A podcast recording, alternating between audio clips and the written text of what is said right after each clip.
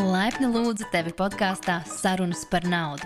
Esmu Lelda Matroza, un mans mērķis ir sniegt tev zināšanas un izpratni par naudu, investīcijām, biznesu un labklājības veidošanu kopumā. Mana misija ir palīdzēt pēc iespējas vairāk cilvēkiem izvēlēties sevi un savus sapņus, kā arī uzlabot savu finansiālo situāciju un būt neatkarīgiem. Protams, ka nauda nav viss, taču viennozīmīgi atrisina daudz problēmu mūsu ikdienā.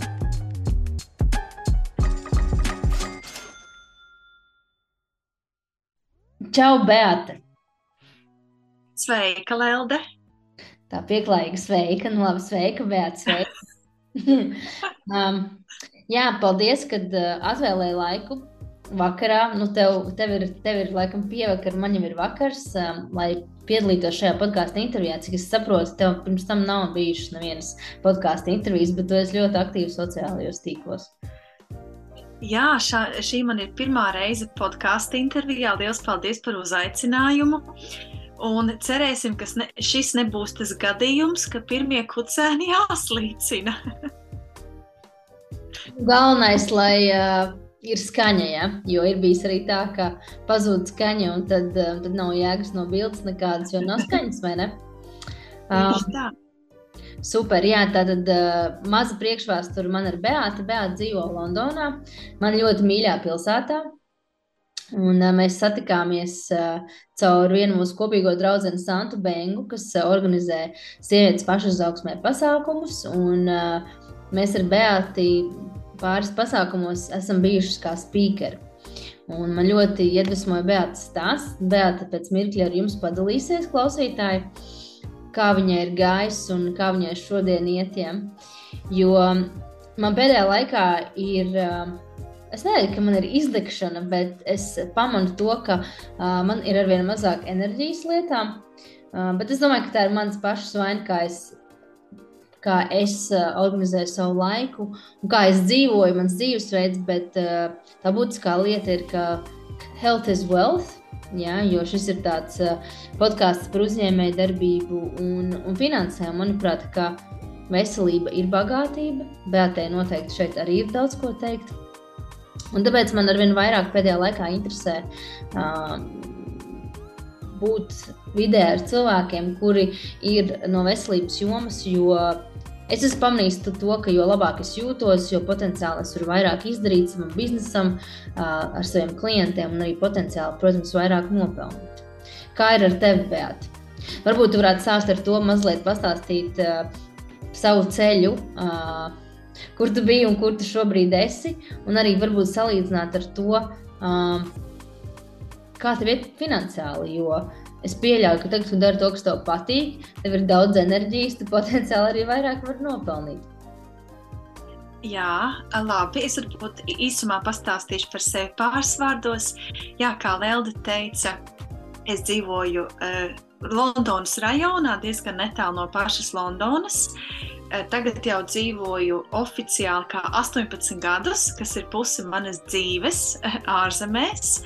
Es esmu pati no Bauskas. Eh, mana pamatizglītība ir biozinātnēs, tā kā lielāko daļu manas eh, profesionālās dzīves man ir interesējis tieši kā strādā mūsu ķermenis, bet mūsdienās es studēju psihoterapiju un esmu topošā psihoterapeite.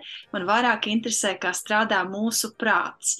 Un tad saliekot šīs divas lietas kopā, var notikt fantastiskas transformācijas un pozitīvas pārmaiņas dzīvē. Man dzīvē ir bijušas tādas trīs, trīs samērā lielas transformācijas personīgajā dzīvē, biznesā un arī veselībā un svara zaudēšanā.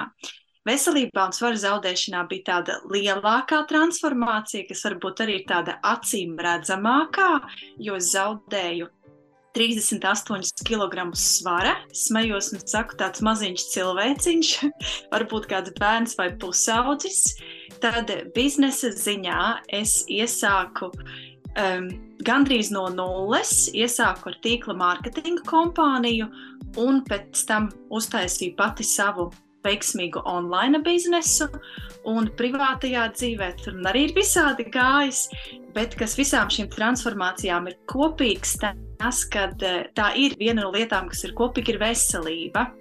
Un, kad mēs savadām kārtībā savu fizisko un savu garīgo veselību, tad eh, notiek ļoti daudz pārmaiņas visās, visās dzīves jomās. Tad eh, tu vēlies, lai uzreiz pastāstu par biznesu un veselību, vai tu man vēlies uzdot kādu konkrētu jautājumu? Jā, eh, tā tad.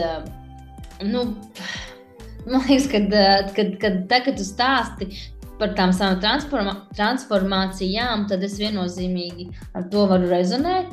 Uh, Un tev kaut kā ir tas īstenībā izdevies tā vienlaicīgi to visu izdarīt, vai ne? Jo pienāca kaut kāds brīdis, kad pieņēmi lēmumu. Un kas bija tas lēmums, kas tev lika pilnībā izmainīt tavu dzīvi? Kā tu līdz tam nonāci? Ka tev tagad ir jāpaliek veselīgai, Tagad tev vajag uh, savu biznesu, un tagad tu palīdzēsi citiem. Jo tas arī kaut kādā mirklī tā ļoti ātri tev notikās. Vismaz cik es atceros pēc tā, tava stāsta pasākumā.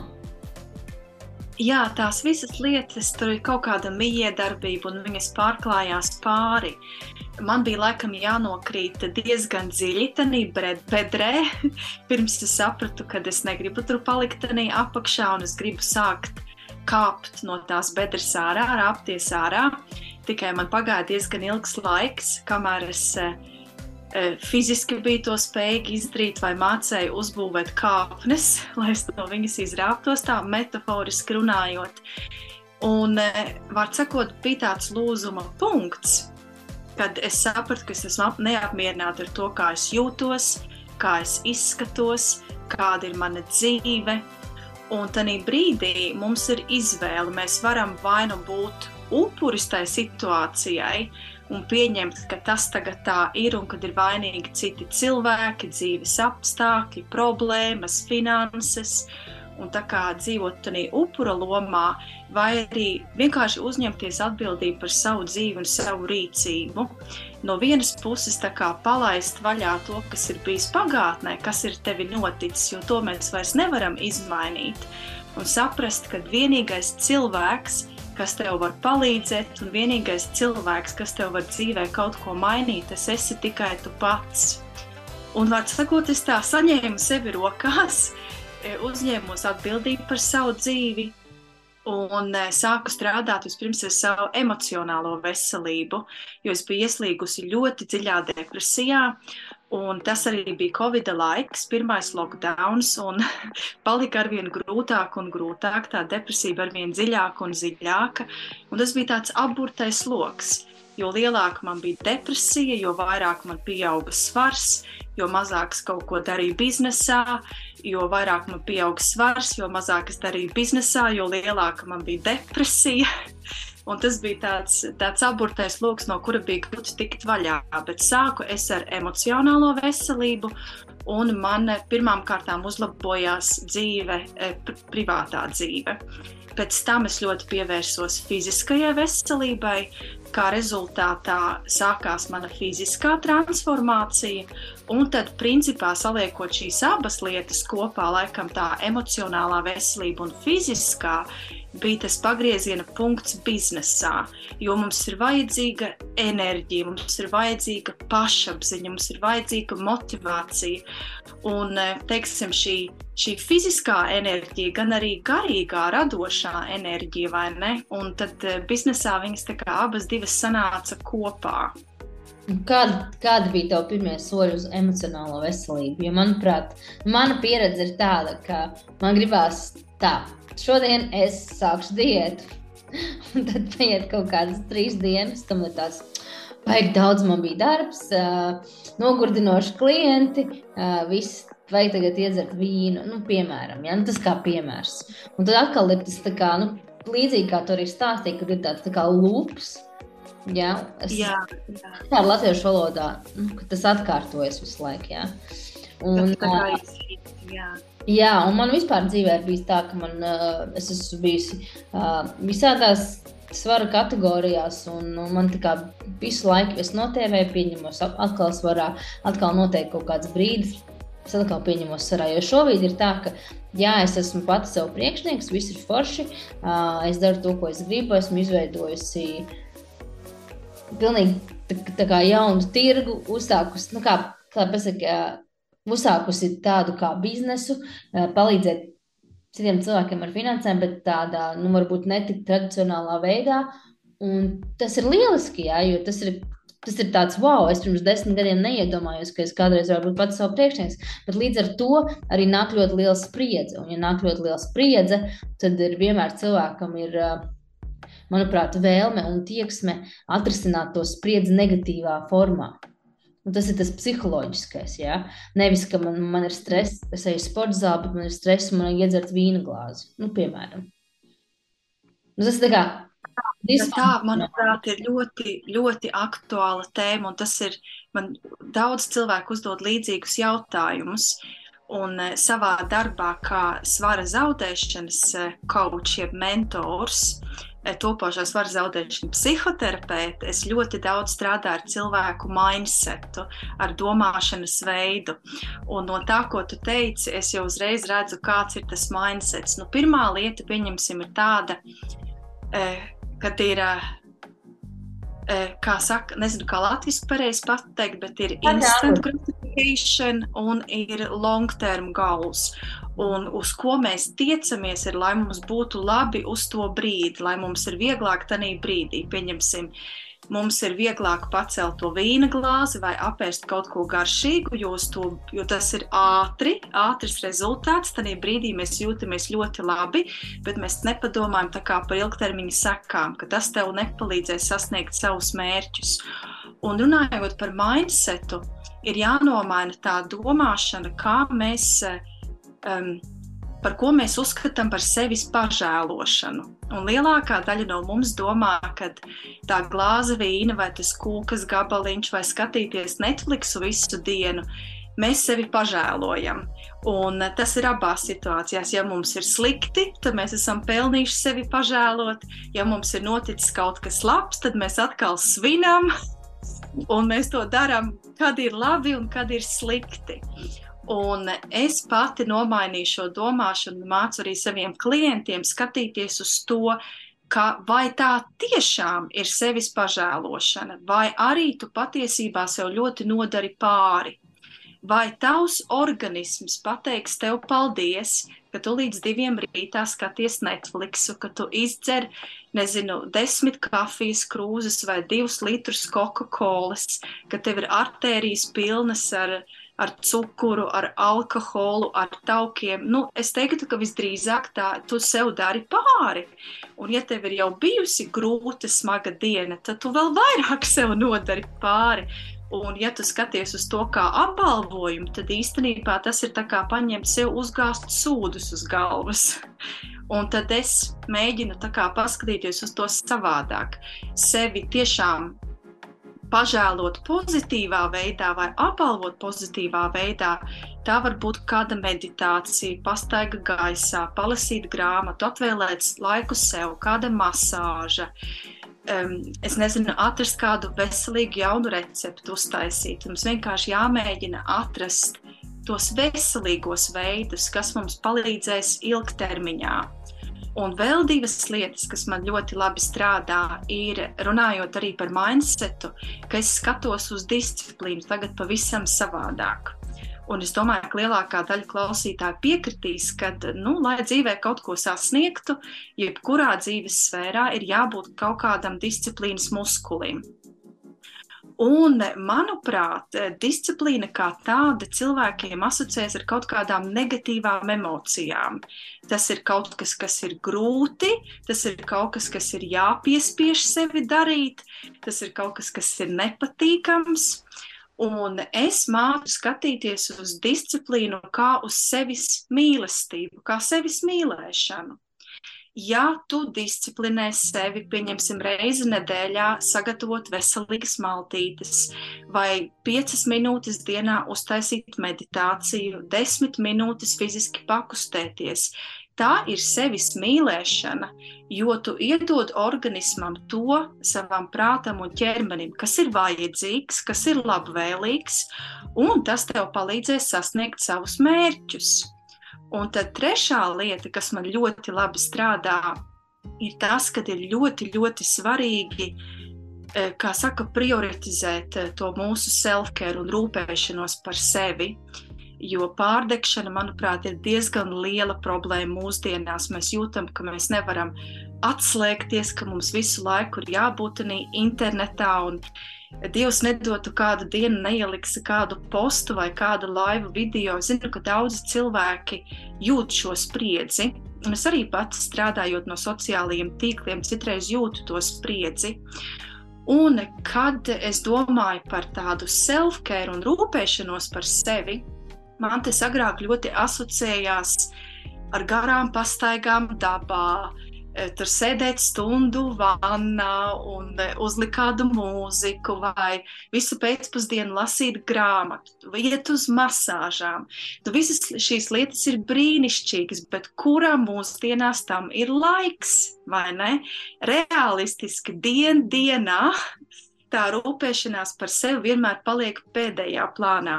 Nu, lūk, es esmu izstrādājis tādu metodi, kas saucās mini self-care. Un man tas ir tā, ka es atrodu 5 līdz 10 minūtes šur un tur, kur man ir. Un tas tiešām ļoti, ļoti palīdz. Pieņemsim, es iesāku rītu ar piecu minūšu meditāciju. Man ar meditāciju pieklibo, es vienkārši lietoju aplikācijas, kur ir tā saucamā guided meditation, kur ir tā kā body skans, vai tev pasaka, kā elpot, vai tev pasaka, kādas afirmācijas atkārtot. Un tas man ir viegli, tas man neprasa daudz laika. Es vienkārši sekoju instrukcijām. Pēc tam pēcpusdienās paņemu kādas 5 minūtes. Tad uh, man ir tāds non-negotiable, kuras pat ar sevi nestrīdos, kad vismaz 10 minūtēm jābūt kaut kādai aktivitātei. Es kaut vai apiešu mājai apkārt riņķī, vai es esmu nopirkusi no Amazonas tos uh, mazos ritenīšus, kurus tu vari mīt, kamēr skaties televizoru Un es varu sakot, atrodu savā dienā tādus momentiņus, un tos visus saliekot kopā, es uzskatu, ka ir liela atšķirība, jo mēs nomierinām nervu sistēmu, savādāk mēs visu laiku esam eh, tādi emocionāli uzbudināti, un tas tev vienkārši iedot to atelpas mirkli, un tie atelpas mirkļi ir jāķer, kad var. Nu, apmēram tā. Tādas lietas, kas man strādā. Paldies! Ļoti daudz vērtīgu padomu. Es jau ļoti kā, jau cītīgi visu pierakstu. Lapas, jā, es tev pilnīgi piekrītu. Man ir tā, ka man tagad vēl ir, es adoptēju kaķēnu. Mm, un, protams, ka ar, ar mazu kaķēnu ir kā ar mazu bērnu, tikai ka, tas mazais kaķēns ir spējīgs uzlikt līdz griestiem. Un tās visas puķis un, un vēl visu kaut ko izdarīt. Un tad ir tā, ka es no rītiem pieceļos, un man ir jāsavāc māja, un tad es sāku funkcionēt. Uh, Tad ir tāda sajūta, ka vienkārši visu laiku vāc kaut ko. Un, protams, sanāk arī pastrādāt no mājām, jo cenšos nu, efektīvi izmantot savu laiku un finanses, jo kaut, kaut kur braucot un kaut kur skrienot, nu, laiks arī iztērējās. Ja? Ceļā pavadot ļoti daudz laika. Tāpēc cenšos vienmēr kaut kā produktīvi saplānot savu laiku. Uh, Par tiem mazajiem brīžiem es tev piekrītu. Man kopš es tā kā vairs tik daudz nemeditēju, nu, ir tā, ka tāda sajūta, ka brīžiem es varētu kādam nokost galvu. Un tas, es zinu, ka tas ir tādēļ, ka man nav tie, tie mini, mini attēlpas brīži, ja mini, mini mirkļi sev. Mini mirkļi. Tas labi izklausās. Jā, tas labi izklausās. Mini mirkļi. Tieši tā. Kā tos mirkļus iespējams. Hashtag mini mirklis. Nu, lūk, jauns trends. Bet, jā, un uh, visas tās lietas, ko tu saki, ļoti vērtīgi, un, manuprāt, iet ārā arī, jo es agrāk uh, dzīvoju pārdaugavā, kas saku, agrāk, tas bija pirms diviem gadiem, es, un kad e, man vēl bija spēks piecelties no rīta, jo tagad es nevaru iedomāties, ka es varu sešos piecelties. Jā, kaut kā man tas ritms ir mainījies gadiem ejot. Un, un tad es piecēlos no rīta un gāju pastaigāties. Man tur bija tāds milzīgs rajons, nu, tā kā rajons, tur gar parku. Man bija savs maršrutiņš, te bija trīs km, ja nemaldos. Es apgāju tādu riņķīti, un tad gāju uz mājām. Tad es tur iegāju dušā, pāri brokastis, nu, sāku strādāt. Bet šobrīd ir tā, ka ir tāds beigas autopilns, un manuprāt, kā jau tu saki, mēs dzīvojam tādā pasaulē, kur uh, vadīt savu biznesu arī ir ļoti izaicinoši. Ir viens, ka mēs ejam uz darbu, mēs strādājam. Tur, tur ir, manuprāt, uzņēmējiem ir vajadzīga lielāka disciplīna. Jo darbs ir darbs. Mēs zinām, ka mums jābūt cikos un tikos ir darbā, tad mums ir pārtraukums, tad mēs tik un tik mēnešu beigās saņemsim algu. Tad, kad mēs esam uzņēmēji, tad ir mazliet cita enerģija.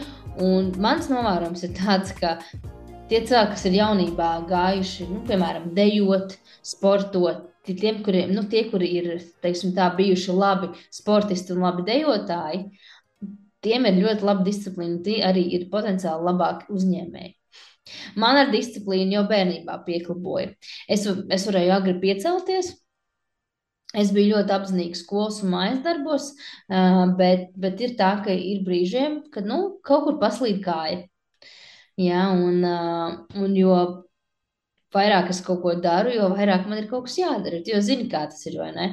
Bet var padalīties pēc, pēc mirkļa, ka Tu sāc ar vienu programmu, tad tev ir vēl viens produkts, vēl viens produkts, vēl viens pakalpojums. Tad tev ir jāuztaisa mājaslapa, tad tev ir jāuztaisa tur Instagram profils. Un tas viss ir ļoti nu, overwhelming. Es nezinu, kā to latviešu sauc. Tā kā mm, overwhelming. Tāda tā kā emocionālā pārslodze vai emocionālā pārslodze, jā, emocionālā pārslodze. Un, attiecīgi, un paiet kaut kāds laiks, un tu tā kā, zini, tev vairāk stresa, tev gribās vairāk ēst, vairāk vēlāk iet gulēt, jo, zini, kā, es atceros, tu varbūt vari pastāstīt šo stāstu, un es ceru, ka, ka ar daudziem cilvēkiem tas varētu arī rezonēt, tu par tiem čipšiem stāstīt. Visiem tie čipši stāsti. Jā, man ir arī jauns Coca-Cola stāsts. Varu abus varbūt pastāstīt. E, jā, labprāt. Tad tu dod man vārdu. Ja? Jā, pastāstiet par čipšiem. Ne, es padalīšos. Jā, un es padalīšos ar savu stāstu. Jā, pirms mēs ejam runāt par čipšiem un Coca-Cola, es pieminēšu divas lietas, ko tu teici. Uh, par mobilo telefonu un par visu to uzņēmēju darbības spriedzi. Es domāju, ka tagad ir ļoti daudz eh, eh, uzņēmēju, kuriem ir online biznesa vai kuriem arī ir kaut kāda nu, prezence, kuriem ir kaut kāda pārstāvība online, vai ne?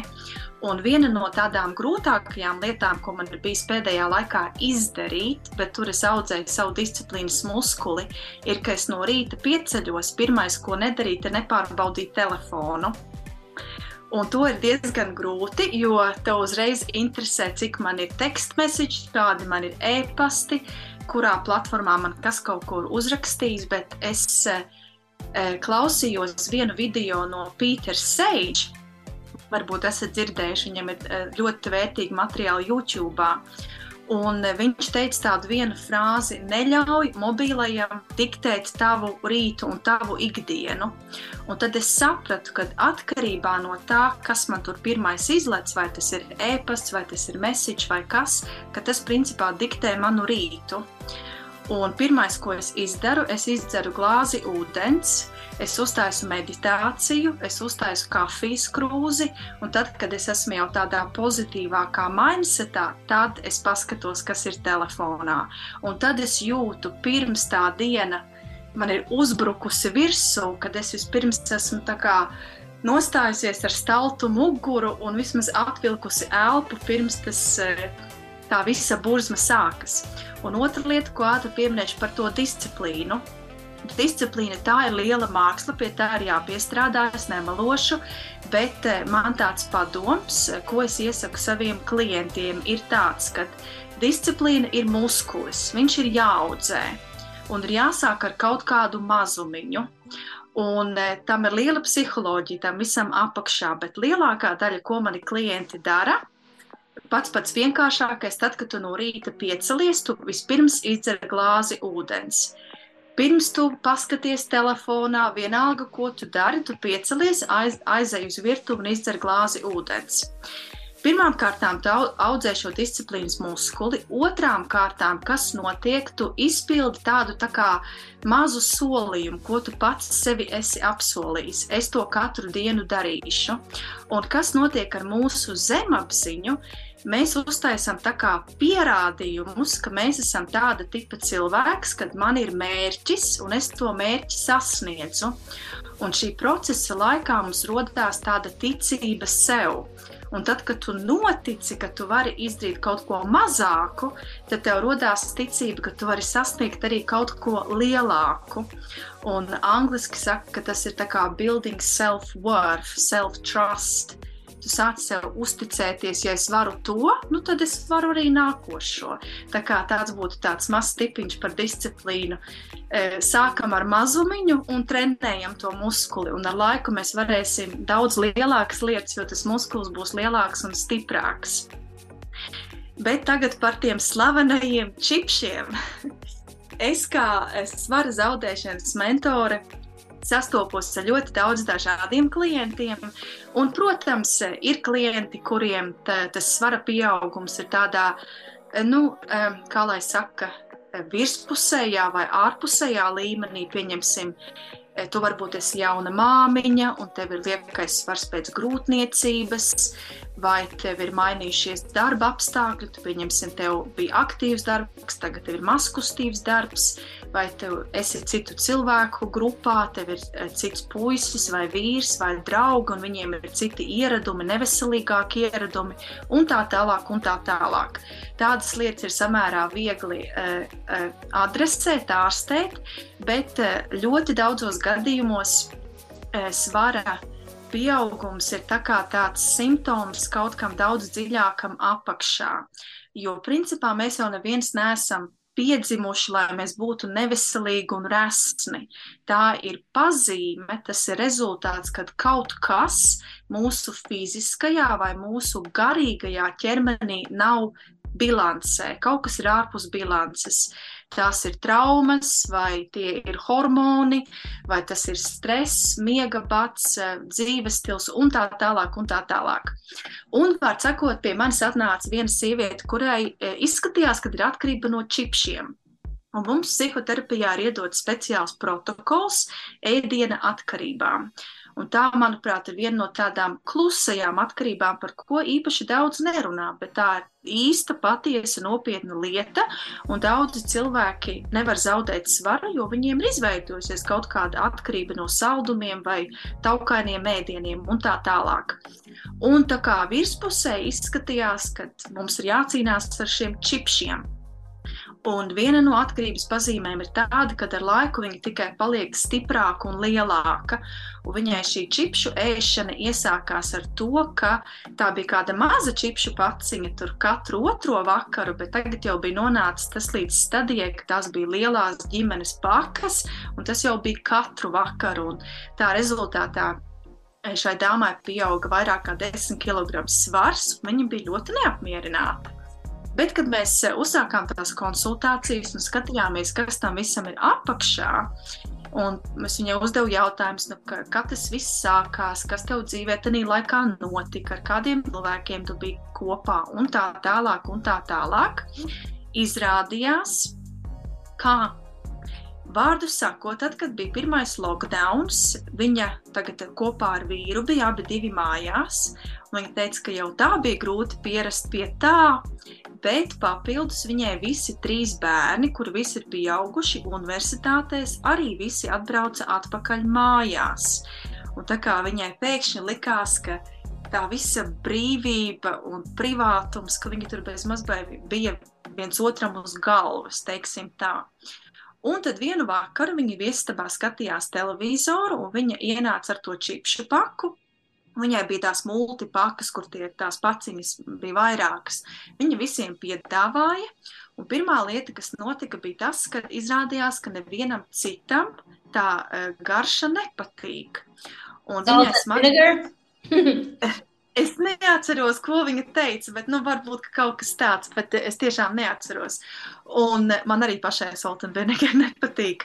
Un tad viņai tā pirmā asociācija izveidojās, tas ir kaut kas man, tas ir kaut kas, ar ko man ne, ne ar vienu nav jādalās. Un pēc tam, kas notika, tur nomainījās televīzijas programma, un bija kaut kāda ķirurģijas vai ātrās palīdzības programma, es arī neatceros tik smalki. Un viņai dēls pajautāja, māmu, tu skaties šito, tev patīk tādas programmas? Un viņa saka, viņa pat nebija piefiksējusi. Viņa tur bija iegrimusi tajā savā čipšu pakā tajā brīdī. Bet viņa nepaspēja pat atbildēt, ka dēls piecēlās, un pēc tam visi izgāja ārā no viesistabas. Un tā bija tā otrā asociācija, ko viņai smadzenes izveidoja, kad ēdot čipšus. Man tagad ir visa viesistaba uz vismaz stundu, un man ne ar vienu nav jādalās. Tātad morāla šim stāstam ir tāda, ka viņai jau nevajadzēja tos čipšus, kas, kas šai sievietei pietrūka, ir privātā telpa. Viņa vienkārši gribēja laiku sev. Un kas ar mums notiek, ja mūsu vajadzības mēs nevaram viņas apmierināt veselīgā veidā, tad mums izveidojas kaut kādas šādas neveselīgas, nepareizas asociācijas. Un viņai smadzenes salikt tās divas lietas kopā, ka tie čipši ir tā atslēga, lai dabūtu to privātumu. Un kā mēs to ārstējām? Mēs to ārstējām tā, ka tur nebija nekāds sakars ar ēdienu, ka viņa vienkārši sāka nodarboties ar jogu eh, caur zūmu, un viņa visiem pateica, tagad man stundu būs joga, aiztaisiet durvis, un šādā veidā viņa apmierināja šo vajadzību pēc privātuma. Un principā, eh, ja viņai var ticēt, es domāju, ka var, ka viņa noteikti nemalot, ka viņa momentā pārstāja tos čipsus ēst. Viņai vairs nevajadzēja. Un tas ir vēl kas parāda to, ka, ja mēs atrad, atrodam to pareizo veidu, piepildīt to, kā mums dzīvē pietrūkst, tad tas pārējais tā atkrīt pats no sevis, jo viņam vairs nav loma, nespēlē vairs lomu. Čipšiem vairs nav loma. Jā. Jā. Nu, man arī ir līdzīgi. Es gribēju to, ka man arī ir tā, ka man uh, pa vakariem prasās uh, pabūt. Uh, nu, labi, nevienmēr es katru vakaru esmu viena, bet uh, Covid laikā es baigi uzsēdos uz seriāliem Netflixā vakaros. Un uh, arī uz kaut kādu vīnu, un, protams, ne katru vakaru, bet tā, ka, nu, pa glāzēju, man likās, tas ir laiks, kad es varu relaksēties. Tā ka man nav mhm. viena jārunā, jā, un tas ir laiks man, un es tur man tā, man tā kā vajag to, bet tad, tad pēc tam tas, tas vēlāk izvērtās jau nu, par tādu kā atkarību, jo katru vakaru vajadzēja skatīties, jo tas bija tāds laiks man. Un tā ir tā asociācija, un tas ir īstenībā neveselīgi, un īstenībā es arī pieņēmu svarā vairāk Covid laikā. Tā kā, tā kā arī, arī piemērs no manas dzīves. Tāpēc, kad tu stāstīji par tiem čipšiem, es varēju ar to asociēties. Un viennozīmīgi enerģija ir palikusi mazāk, ir lielāks nogurums, kas, protams, arī ietekmē manu, manas darba spējas un man tik daudz ideju, bet reizēm ir tā, ka nesanāk viņas visas, visas paveikt, jo principā nu, tā veselība pieklibo nav vairs tāda kā, kā pirms desmit gadiem.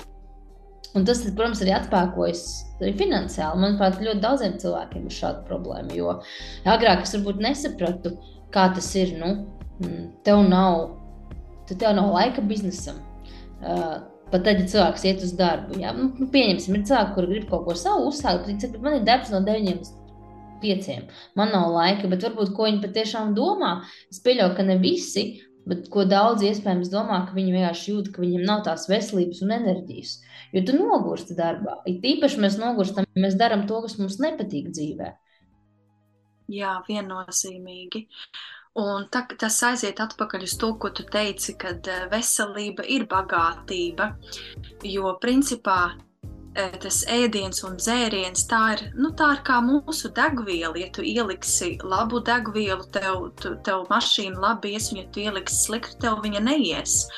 Un es uz ēdienu skatos un dzērienu tādā veidā, un es arī pat jūtu, ja es apēdu kaut ko tādu ļoti smagnēju vai es pārēdos, es jūtu, ka tas ēdiens no manis paņem enerģiju, bet ja es esmu izdzērus pietiekoši daudz ūdens, es, es ēdu veselīgi, es jūtu, ka man tas ēdiens dod enerģiju. Un arī pati no savas personīgās dzīves runājot, kad es uzsāku pirmo reizi tīkla mārketinga biznesu, kad es vēl biju diezgan neveselīga, man tas viss likās grūti. Tur tie stāstījumi un rīli, un jāgatavojās tiem live video, un tad es viņiem tā kā briedu. Un e, tagad, pieņemsim, man personīgais rekords īstenībā bija vakar, jo es uztaisīju četrus live video. Es uztaisīju latviešu Instagramā, es uztaisīju ar Inesi divreiz. Viņa uzaicināja mani, pēc tam es uzaicināju viņu, pēc tam es vēl iegāju Facebookā. Pirms diviem gadiem četri video dienā tas būtu, tas vispār nav iespējams. Un plus es vēl strādāju un visu citu izdarīju, kas man bija jādara, man tas nebūtu bijis fiziski iespējams. Un, un kā es arī pirms tam minēju, arī tā radošā enerģija, bet eh, radošo enerģiju es ļoti jūtu no, tā, no tiem mini mirkļiem. Jo tad, kad es jūtu, ka tu atslēdz to galvu un prātu, tad nāk tās ļoti daudz labas idejas. Un tas eh, princips, kāpēc tā ir, jo ja mēs visu laiku izmantojam savu apzināto prātu, un mēs visu laiku ejam un kaut ko darām, tad mūsu zemapziņa ir tā kā uh, blakus plānā vai background. Un tad, kad mēs atslēdzam to apzināto prātu caur dziļu relaksāciju, tad tās idejas var beidzot izfiltrēties uz priekšu, jo viņām ir izbrīvējusies vieta tajā apzinātajā prātā. Apmēram tā. Un vēl varbūt ir vērts piebilst par veselību. Uh, Tāpat kā par svara zaudēšanu, kad ir piecas ļoti, ļoti svarīgas lietas, un es parasti par šīm piecām lietām runāju, kad nu, pat par sevi tā ir, tā ir kas tu ēd, veselīgs ēdiens, fiziskās aktivitātes, bet uh, ūdens dzeršana visvienkāršākā lieta, ko mēs visi varam darīt, bet lielākai daļai cilvēku ar to pieklibo uh, miegs un, un stress, kā tikt galā ar stresu, jo stress un miegs tu vari Tu vari veselīgi ēst un kustēties, tu vari visu darīt, bet tur būs izjaukti hormoni, un tur organisms nebūs balansē, un tu pats būsi cīņā, karā pats ar savu organismu. Jā, tam es, tam es pilnībā piekrītu. Um, tad sanāk, ka nu, pirmkārt tu, sa, tu salaboji savu veselību, bet tas arī bija process. Un, um, Un tad tu no šīs transformācijas izveidoji biznesu. Pastāst vairāk par to, ar ko tu šobrīd nodarbojies, kā tu cilvēkiem palīdzi uh, un kādi ir tavi ienākuma avoti. Jā, var sakot, šis, šis ceļš mani noveda līdz biznesam, un tad, kad es biju izgājis cauri šai transformācijai, tad tā man kļuva par lielu sirdslietu palīdzēt arī citiem cilvēkiem, kuriem ir līdzīgas problēmas. Uh, it sevišķi svara zaudēšanā. Tā kā svara zaudēšana ir šobrīd mans primārais fokus, bet es domāju, nākotnē arī paplašināties vairāk par citām sfērām, arī pieņemsim, runāt vairāk par attiecībām un, un citām dzīves lietām. Bet jā, šobrīd es palīdzu dāmām tikt vaļā no visas smagā, kas, kas viņas nomāca gan fiziski, gan psiholoģiski, teiksim tā, atbrīvoties no visa liekā. Ar mani var strādāt eh, privāti, eh, man ir arī manas svara zaudēšanas programmas, meistarklases, un februāra beigās būs eh, pirmā transformācijas darbnīca arī. Es pārdodu dažādus produktus, vārds sakot, zem tā sava online biznesa, man ir daudz eh, un dažādi ienākuma avoti. Man ir tādi e, aktīvi e, ienākuma avoti, kad es aktīvi eju un kaut ko reklamēju vai sarunājos ar cilvēkiem un aktīvi kaut ko pārdodu. Tas ir mainīt savu laiku un enerģiju pret to finansiālo ieguvumu, vai man arī ir pasīvi ienākumu avoti tādā ziņā, ka es uztaisu masterklasu, pieņemsim, vienreiz, bet viņa man paliek mājaslapā, un cilvēki viņu pēc tam var iegādāties atkārtoti. Un kā biznesa cilvēkam, gandrīz var teikt, nav labāka sajūta, ka tu no rīta pamosties un tev pirmie e-pasti ir, ka cilvēk, kāds cilvēks ir kaut ko nopircis, bet tev tajā brīdī nav, bij, nav bijis jāiegulda savs laiks un savs darbs. Tā kā es ļoti, ļoti ieteiktu uzņēmējiem, kas ar to vēl nenodarbojas, noteikti padomāt par pasīviem ienākuma avotiem. Jo dzīvē notiek dažād, daž, dažādas problēmas, mēs esam vai nu ļoti aizņemti, vai ir veselības problēmas, vai kaut kas mainās, lai nav tā, ka tajā brīdī, kad tu nevari iet arī Facebook laivā vai klientam pazvanīt, ka tev apstājās visi tavi ienākuma avoti. Jā, es tam pilnībā piekrītu. Tas ir tas, ko es visu laiku maļu, ka, ja mēs neatradīsim veidu, kā pelnīt, kamēr mēs guļam, mēs strādāsim līdz mūža beigām. Jo ko es redzu arī Latvijā, nu ne tikai Latvijā, bet arī ārzemēs cilvēki, viņiem ir savs bizness, un A, vai nu viņi maina savu laiku pret naudu. Nu, viņi ir, tā, viņi ir pašnodarbināti, bet nu, viņi ada zeķus. Nu, būsim godīgi, lai uzvadītu zeķi, tas prasa tavu laiku. Tad kāds nopērk to zeķi, un tu atkal sāc visu procesu no gala. Jā, tas ir viens. Un, uh, ir forši, ka mums arī ir vairāk ienākumu avotu biznesā, gan aktīvi, gan pasīvi, bet ir arī ilgtermiņā jādomā, uh, nu, kā likt savai naudai strādāt arī ārpus sava biznesa. Ja? Jo ļoti ja daudz kas balstās uz mums, ja? un es vienmēr nu, minu to piemēru. Un tas ļoti spilgti atspoguļojās Covid laikā. Ja? Ka, ja mēs iedomājamies cilvēku dzīvi kā galdu, kurš galds ir stabilāks? Galds ar vienu kāju, divām kājām vai piecām kājām. Mums tur vienu kāju nogriež, jā, vai, vai, vai viena kāja tur sapūst vai sabrūk. Runāsim metaforiski, jā, tad attiecīgi nu, jautājums, vai cilvēks var turpināt savu dzīvi. Tajā brīdī, kad viņam ir pieglibo veselība un viņam negribās ieiet laivā vai tiešraidē, vai, vai novadīt kādu kursu vai kādu meistarklasi klātienē. Tā kā, manuprāt, tev ir ļoti spēcīgs stāsts par to, kā mēs varam izdarīt kaut ko sev foršu, kā, kā mēs varam paši transformēties un tad iedvesmot arī citus. Un manuprāt, ka ir arī ļoti būtiski saprast. Vienkārši es esmu ļoti daudz, daudz cikliem dzīvē izgājis cauri, un es varu pateikt to, ka, ja man kāds pasaka, ka nu, vienkārši vairāk sporto un veselīgāk ēst, tad man liekas, vecīt, klausies, vai, vai vecinīt. Tā kā Zagā, tu esi tur ar savu domāšanu, kur es biju varbūt pirms desmit gadiem. Jā, jo te, kad cilvēkam ir 20 gadi, tad viņam ir, ir cita, citas domas, cita vide, um, citas um, emocijas par savu nākotni. Viņam nav tik piepildīta tā galva, un arī ir veselība, ir labāka, un hormoni strādā labāk, un ir vieglāk zaudēt svaru. Jā, tā kā mums ir pēc 30, tad attiecīgi nepietiek tikai ar to, ka mēs ēdam brokoļus uh, un, un kaut kādas visas filējas, un mēs e, ejam uz sporta zāli. Jo tur ļoti daudz arī mentālais nāk klāt. Nu, tur ir vajadzīgs psiho, psihoterapeits, ne gluži var, varbūt psihoterapeits, nu tāds kā psihoterapeits, ja? bet cilvēks, kam ir izpratne par to psiholoģisko zemapziņas uh, sastāvdaļu, kas atbild par to, kāpēc mēs kaut ko darām. Jo, piemēram, es zinu, ka man nepietiek tikai ar to, ka es eju uz sporta zāli. Ja, piemēram, es uh, trenējos rudenī, pagājušajā vasarā, un rudenī pie viena ļoti forša puiša, tāds Artis Būls, viņš ir ļoti zinošs uh, personīgais treneris, bet es sapratu, ka nu, es iztērēju naudu. Jā, es varbūt to darīju savas veselības dēļ, bet uh, nu, es nesakārtoju savu galvu, un man nebija nekāda beigie rezultāti. Tāpēc, ka no sākuma ir jāsakārto sava galva no to, ka mēs veselīgi ēdam un ejam sevi tur nokaut sporta zālē. Ja? Un tie cilvēki, kas zina, ko nozīmē iet uz sporta zāli vienam pašam un trenēties ar treneru, tās divas dažādas lietas. Jo tā, mēs ejam paši uz sporta zāli, mēs sev pažēlojam. Tā, kad mēs ejam pie treneru, treneris mums nepažēlo. Un, taisnība. Taisnība, jā. Un, un kā rezultātā es saprotu, ka man ir no sākuma jāsakārto savu galvu.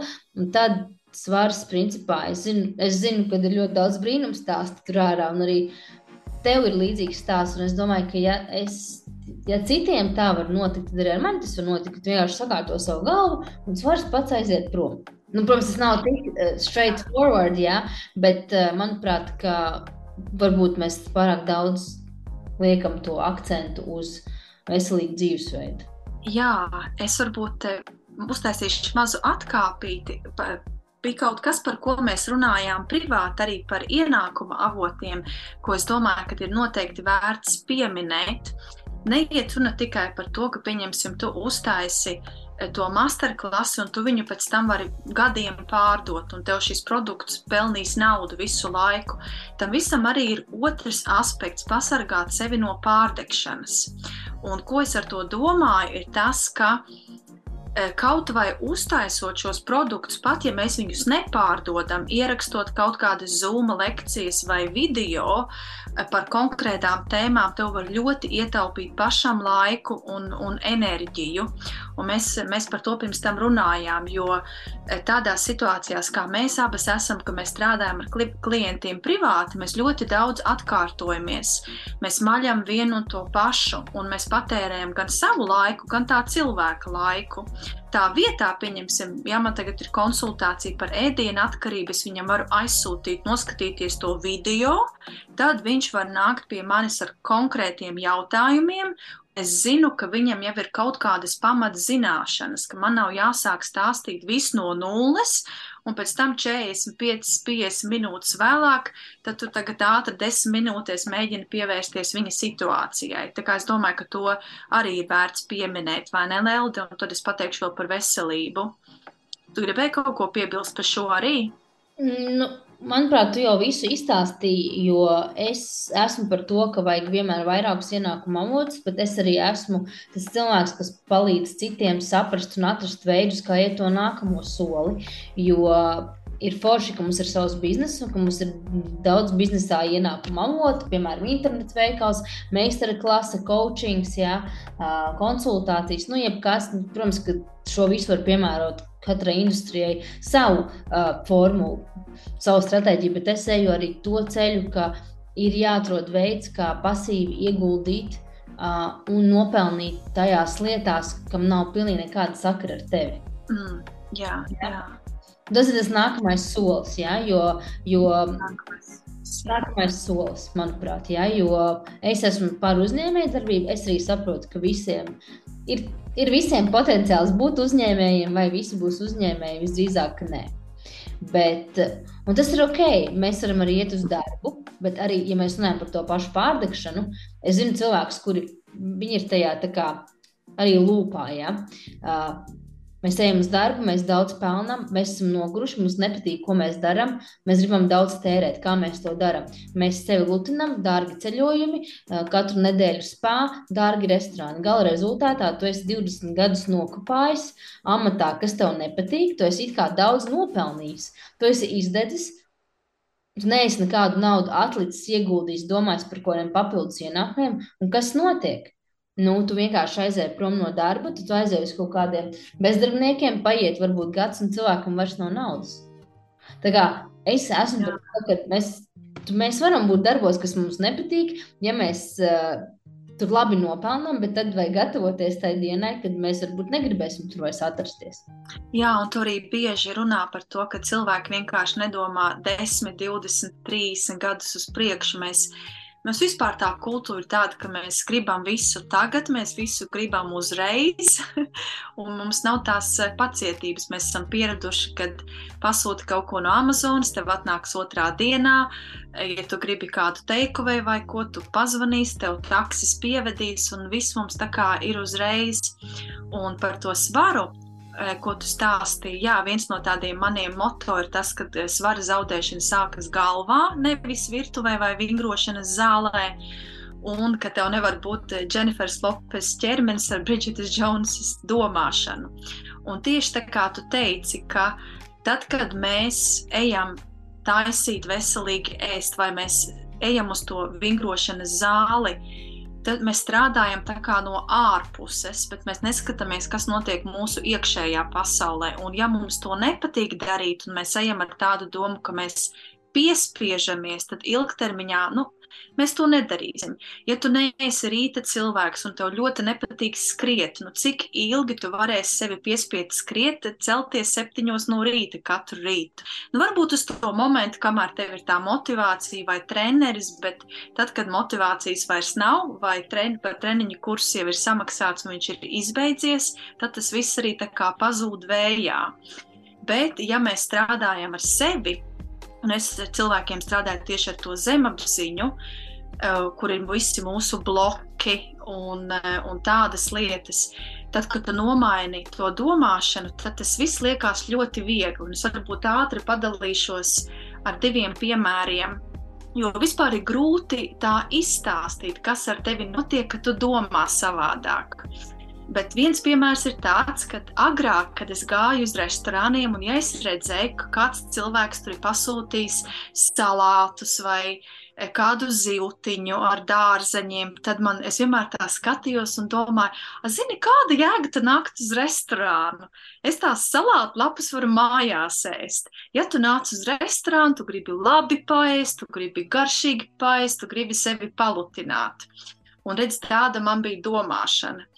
Tagad, kad es aizēju uz restorānu, es uzreiz automātiski man acis skatās uz kaut ko veselīgu, interesantu, kaut kādu veselīgu ēdienu kombināciju, ko es nekad neesmu pamēģinājis. Es domāju, es nekad neiedomātos salikt kopā, pieņemsim, kvinoju ar to un to. Vo būtu tagad interesanti pamēģināt, kā tas garšo. Tu vienkārši skaties uz to savādāk. Vai arī, kad mēs ar vīru braucām uz tādu e, apvienoto ceļojumu Dubai un Maldīvām, es biju apzināti noskaņojusies, ka tā ir tikai atpūta, es nesportošu, un es neko nebiju paņēmusi līdzi. Un tagad mēs aizbraucam Mēs ar vīru ejam garām vingrošanas zālē, un tur ir skats uz okeānu, tā kā e, stikla, stikla siena. Un es viņam saku, oh, cik skaisti! Iedomājies, tu kaut ko vingro, un tu skaties uz tām zilajām debesīm un to ūdeni, cik fantastiski skaisti. Un es tā ieeju iekšā, bet es saprotu, ka man nav sporta tērpa, man nav sporta apavu. Un es tagad sāku ar to treneri runāt, un es domāju, nu jā, tad tām drēmēm es vēl kaut ko izdomātu, bet man nav apavu. Un viņš man saka, zini, mums ir tāda korklāsa, kas tā kā ir viduklim. Par cik tas viss ir tā kā uz grīdas, nu es tevi ielaidīšu iekšā ar, tavām, ar savām šļopenēm. Nu neko, var sakot, mana zemapziņa Kaut gan es ar apzinātu prātu domāju, ka man nevajag vingrot, mani aizveda līdz tai sporta zālē. Pēc pāris dienām es redzēju, ka cilvēki taisa kaut kādu ak akva jogu. Man bija tā, oh, es nekad neko tādu neesmu mēģinājis, cik būtu forši kaut ko jaunu pamēģināt. Bet redz, tā atšķirība ir tāda, tā būtiskākā atšķirība ir tāda, ka tev nav tas mindsets, es tagad esmu kaut ko vairāk apēdusi, man ir sevi um, jānodzēn, jo man ir kaut kā tagad tās kalorijas jāsadedzina. Savādāk es pieņemšos svarā un iesākās panika. Tas mindsets ir tāds, ka tu gribi to darīt, un tas viss notiek jau zemapziņā. Tu ej un tu dari ar prieku. Un es vienkārši zinu, ka tas ir iespējams, jo es esmu pati sevi tā pārprogrammējusi. Un tāpēc es saku, ka ir iespējams dzīvot dzīvi, ka veselīgs dzīvesveids un fiziskās aktivitātes nāk dabīgi, bez piespiešanās, bez milzīgas motivācijas, jo tas vienkārši ir tas, ko tu vēlies darīt. Apmēram tā. To ir grūti tā vārdos izstāstīt, bet Ka, nu, tas ir tā ir pilnīgi cita domāšana, un to, to ir iespējams sasniegt, ja tu esi gatavs ar sevi strādāt. Jā, es piekrītu. Nav vienmēr jā, jāasociē uh, fiziska aktivitāte ar sporta zāli. Tā var būt Jā. pastaiga. Uh, protams, pastaiga vairāk ir veselībai, nevis svara zaudēšanai. Mm, tad ir tas var būt badmintons, riteņbraukšana, bowlings, nu, jebkas, kas ir kaut kāda, nu, kaut kāda fiziskā slodze. Uh, Manuprāt, cilvēkiem ir būtiski atrast to, kas viņiem patīk, un, uh, un tā aktivitāte, kas viņiem patīk fiziskā. Jo nu, ir jākustās, un, un diemžēl, uh, man, manuprāt, mēs no tā neizbeigsim, ka veselīgs dzīvesveids tomēr uh, ir nepieciešams, lai mēs varētu funkcionēt un arī pelnīt vairāk un dzīvot laimīgāk un vairāk izdarīt dzīvē. Jā, un pieņemsim, man divi cilvēki, kas nāk prātā, kad iet runa par, par naudu un par veselību. Tas pats Steve's Jobs, vai ne? Vis, visa nauda pasaulē viņu nevarēja izglābt no tā, ka viņš aizgāja ar vēzi, vai ne? Vai es arī nesen dzirdēju par Selīnu Dionu, ka viņai ir kaut kāda reta neiroloģiska slimība, kas ietekmē viņas balss saites, un viņa nevar dziedāt. Un ko tas līdz, ka tev ir tā visa nauda, jo tā tev nevar nopirkt veselību. Viņas gadījumā viņa arī nevar darīt to, kas viņai ļoti patīk darīt. Viņa ar asrām acīs teica, ka visvairāk, ko es mīlu darīt, ir dziedāt, un es nevaru tagad dziedāt. Tā kā bez veselības mums tiešām nav nekas. Jā, nav bagātības. Uh, un tad nobeigumā pāris lietas pastāsti, kā, kā klausītāji var ar tevi sazināties, kur tev var piesakot un uh, kādas ir tās tuvākās meistarklases, ko tu piedāvā. Latviešu valodā. Jo Beata arī ļoti daudz veido saturu angļu valodā, uh, bet šis ir latviešu podkāsts. Lūdzu, padalies! Jā. Principā visa informācija ir manā mājaslapā, kas ir btribe.com. Un starp citu, vakar es uzliku, ka var uzlikt uz karodziņa, un tagad arī mājaslapa ir latviešu valodā. Tikai es atvainojos, ka tur pāris vārdi tulkojumā ne tā izklausās, bet nu, es esmu ļoti priecīga pateikt, ka tagad arī var mājaslapu izlasīt latviešu valodā. Jā, pārsvarā es darbojos angliski, bet man tāds pirmais oficiālais projekts latviešu valodā ir otrdien, 28. februārī, kas ir 9. vakarā pēc Latvijas laika, un tā ir mana transformācijas darbnīca.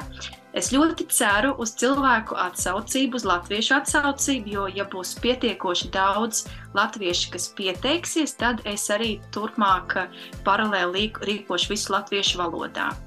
Kas būs šajā darbnīcā? Būs tas, ka es pasniegšu teoriju, kādi ir soļi tajā saucamajā transformācijas ciklā, kuriem ir jāiziet cauri.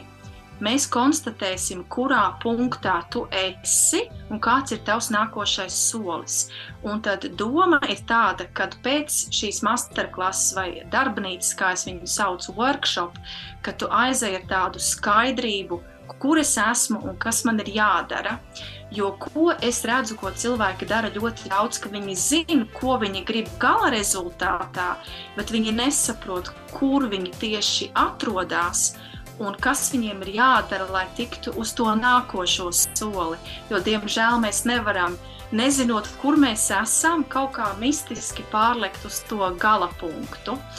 Un šī transformācijas modelis, darbojās pilnīgi jebkurai transformācijai. Tā kā pat ja, ja klausītājs nav interesēts tieši veselībā vai svara zaudēšanā, bet biznesā vai personiskajā dzīvē, tas palīdzēs visam, jo modelis ir viens un tas pats.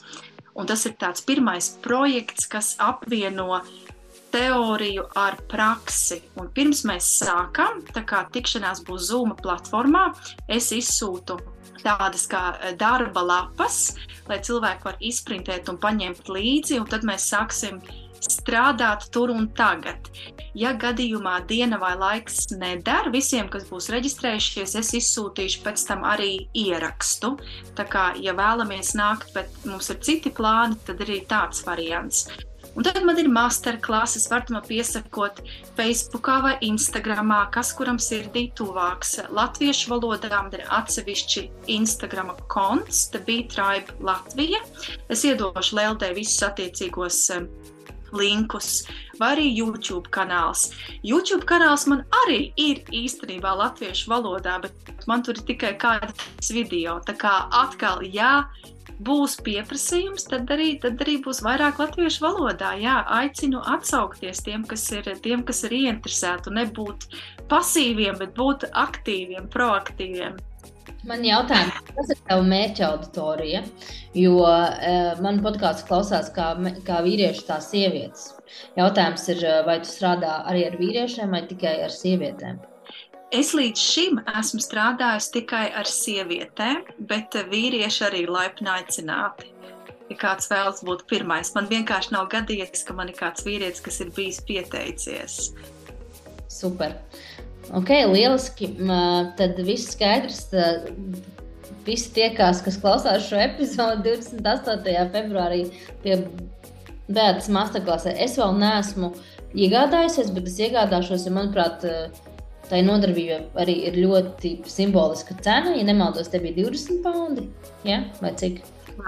Jā, 19,99. Jā, nu, lūk, tā tad nepilnīgi 20 pounds. Tie sanāk, ka 24, 25 eiro, bet manuprāt, tas ir ļoti, ļoti Nu, tā maz. Draudzīga cena.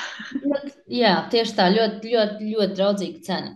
Un cik es saprotu, tā meistarklase būsim latviski, būs nu, tā kā tiešraidē, ja tas nebūs atkārtnā.